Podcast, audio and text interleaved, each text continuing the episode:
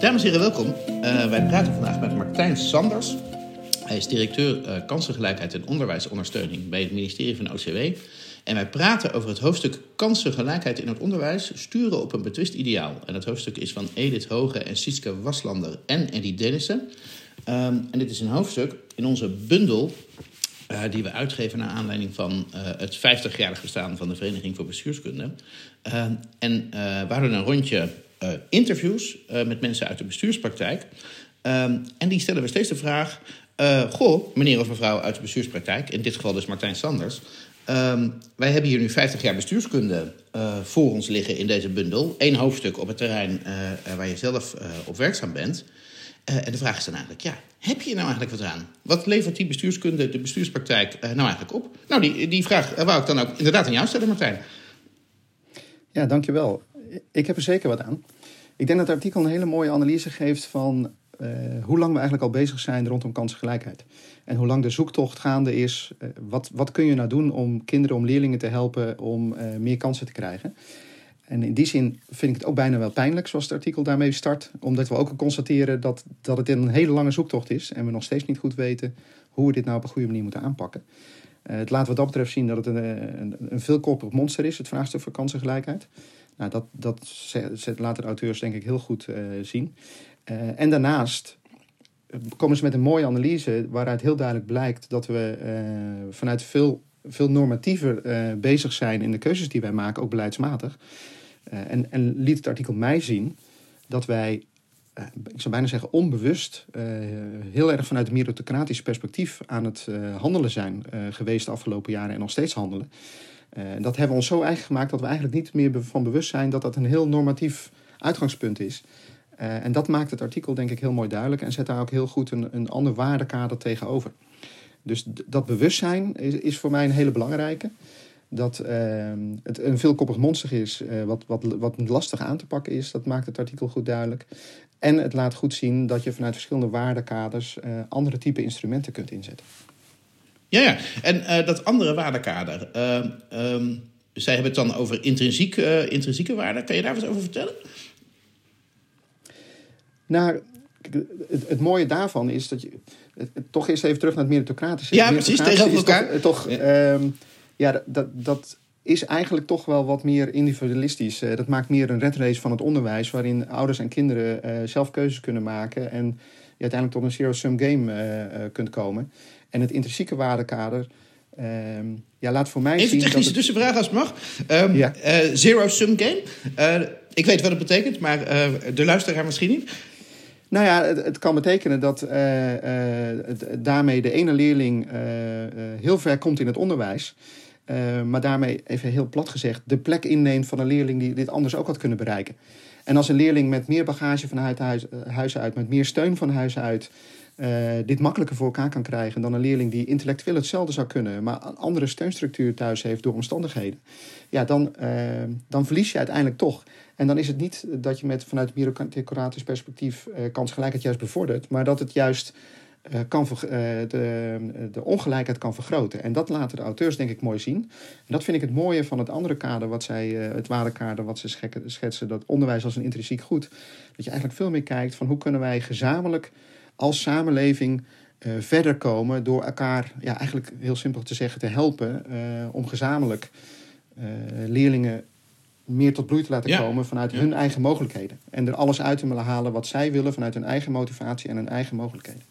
Dus je zegt eigenlijk dat bewustzijn dat je, dat je op een bepaalde manier stuurt, als ministerie, als beleidsmaker, uh, uh, op het niveau van de uitvoering, uh, dat heeft veel geholpen. Um, en helpt dit nou ook bij, laten we zeggen, de, het vervolg? ga je als ministerie daar nog anders sturen, een andere inzet plegen als het gaat om onderwijsbeleid? Nou, in eerste instantie heeft het dus vooral voor bewustzijn gezorgd. en, en ook dat wij nu zijn gaan kijken, ook op basis van dit artikel heb ik het zelf ook gedaan. Ik ben gaan kijken welke instrumenten zetten wij nou eigenlijk in. Hè? Want de auteurs uh, zetten vanuit beide uh, waardeperspectieven uh, geven ze aan wat voor instrumenten kan je daar nou bij inzetten. En ik ben eigenlijk tot de conclusie gekomen dat wij vanuit beide perspectieven instrumenten inzetten. En dus een mix pakken van die instrumenten. Ja, ja. Waarbij je dus dan, wat bij mij de vraag oproept, kan dat? Kan dat samengaan? Dus of interfereren even, of interfereren? Ja, weet ik dus nog niet. En in die zin heeft het artikel eigenlijk vooral bij mij vragen opgeroepen. Uh, of de keuzes die wij nu aan het maken zijn, waarbij we dus die mix van instrumenten dus kennelijk pakken vanuit verschillende waarden. En dat hebben we eigenlijk onbewust, uh, zou ik bijna zeggen, gedaan. Of dat wel samen kan. Ja, ja. ja. En dat is dus een beetje dat, leidt tot scherpere afwegingen. Uh, dat, ja, dat, dat leidt tot scherpere en bewustere afwegingen. Dus, dus daar moeten we heel erg naar kijken. Maar van de andere kant geloven ook wel in die instrumenten die we inzetten. Om even een voorbeeld te noemen, uh, meer meritocratisch, bijvoorbeeld het onderwijsachterstandenbeleid, wat al een aantal jaren doen, waar we ook echt wel mee door willen gaan. Maar als je meer kijkt vanuit onderwijs als een intrinsiek goed, zijn we nu heel erg bezig met het opzetten van, ja, wat voorheen een rijke schooldag werd genoemd, dat noemen wij school en omgeving. Dus de omgeving rondom de school versterken voor kinderen die het hard nodig hebben, zodat ze meer uh, sociaal-cultureel kapitaal meekrijgen. Ja, dat zijn instrumenten die we naast elkaar nog steeds inzetten, maar eigenlijk vanuit een ander waardekader, als ik het artikel zo hoor, uh, uh, gestart zijn. ja, en, en, en gaat dat werken? En dat zal de tijd moeten leren en dat zullen we dus goed moeten volgen. Ja, en die scholen in de wijk, dat is um, een integrale aanpak ook met sociaal domein, gemeentelijk beleid eromheen? Uh, dat is inderdaad een integrale aanpak, waarbij we kijken naar de scholen zelf, naar de gemeenten die meedoen, maar ook lokale, bijvoorbeeld sportverenigingen, culturele verenigingen. En het is ook niet voor niks dat we. Dit doen we vanuit het ministerie van Onderwijs. Maar dit is echt iets wat we ook uh, op ministerieel niveau met andere ministeries in het sociaal domein gezamenlijk doen. En we zijn bijvoorbeeld ook aangesloten bij het Nationaal Programma Leefbaarheid en Veiligheid vanuit het ministerie van Volkshuisvesting en Ruimtelijke Ordening. Om echt gezamenlijk te kijken hoe kun je die hele context rondom kinderen verder verrijken en verstevigen. Zodat Enorm ze complex. kansen dat... kunnen hebben. Ja, dus dat gaat om wonen, om uh, leven, om sporten om, uh, en uiteindelijk ook om school. Dat, uh, ja. Ongelooflijk. Ja, um, vanuit het idee dat nou, it takes a village to raise a child. Mm, en als je zorgt dat je die, die bredere context rondom een kind verder versterkt, dan heeft het kind ook meer mogelijkheden om op school goed te presteren en dus meer uit zijn eigen mogelijkheden te halen. Ja, en dan zou het samenvallen als dit, als dit mooi werkt, die twee idealen. Dan zou het samenvallen. maar ja, dat is wel iets wat zich moet, moet bewijzen de komende periode. Of, of we dat goed zien en dat ook samen gaat vallen. Ja, en vind je dat de bestuurskunde dan op dit punt eigenlijk nog wat, uh, laat zeggen, te doen heeft? Nou, in die zin zou de bestuurskunde denk ik heel goed kunnen helpen. En, en, misschien ook deze auteurs zelfs wel. Dit is een mm. hele mooie analyse, een mooi artikel. En ik ben eigenlijk wel benieuwd naar het vervolgartikel. Van wat is nou de effectiviteit van, die in, van de instrumenten? Hoe zou je ja? dat zien vanuit de bestuurskunde? En ook vanuit de verschillende waarden gezien, kunnen die instrumenten wel of niet samen? Ja, ja, Dat zou denk ik voor de bestuurskunde een hele mooie stap kunnen zijn. Door vervolgens te gaan kijken van, vanuit de analyse. Wat is dan vervolgens het handelingsperspectief? Ja. En als ik deze duimschroef een klein beetje mag aandraaien.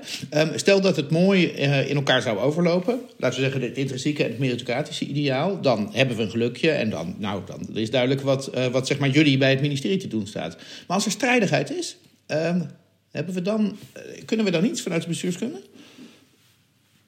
Nou, dan denk ik dat het goed is om dat vanuit de bestuurskunde dat uh, in kaart te brengen, discussie aan te gaan. En dan hebben wij als ministerie en als beleidsmakers en de politiek vervolgens in degene die de keuze maken, uh, ook denk ik een heel duidelijk perspectief waaruit je kan handelen. En dan moet je ook, als blijkt inderdaad op basis van wetenschappelijke analyse dat de instrumenten niet samen kunnen, dan moet je ook de keuze maken om ja, ja. instrumenten te stop te zetten of andere, anders vorm te geven.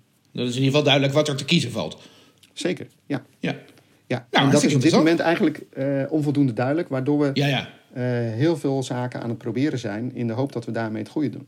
Ah, dus we gaan eigenlijk als het gaat om het in kaart brengen de goede kant op. Dit wordt een, een, een mooi helder beeld, zeg maar, maar het is nog niet af. Daar, daar is nog, uh, nog werk te doen, als ik je goed begrijp. Dat klopt. het is zeker een mooi helder beeld. We hebben volgens mij een goede instrumenten om in te zetten. Maar we hebben nog heel veel te leren over de effectiviteit daarvan en hoe het met elkaar samenhangt. Ja, ja. Nou, reuze veel dank voor dit gesprek. Uh, uh, dames en heren thuis, het, uh, de bundel verschijnt op onze jubileumdag. Dat is 8 maart dit jaar, 2023. en dan zult u ook zelf het hoofdstuk van Edith Hoge, Sietske Waslander en Eddie Denissen kunnen lezen. En nou ja, wij wensen jullie bij het ministerie reuze veel succes met het voortzetten van jullie, van jullie inzet. Dankjewel.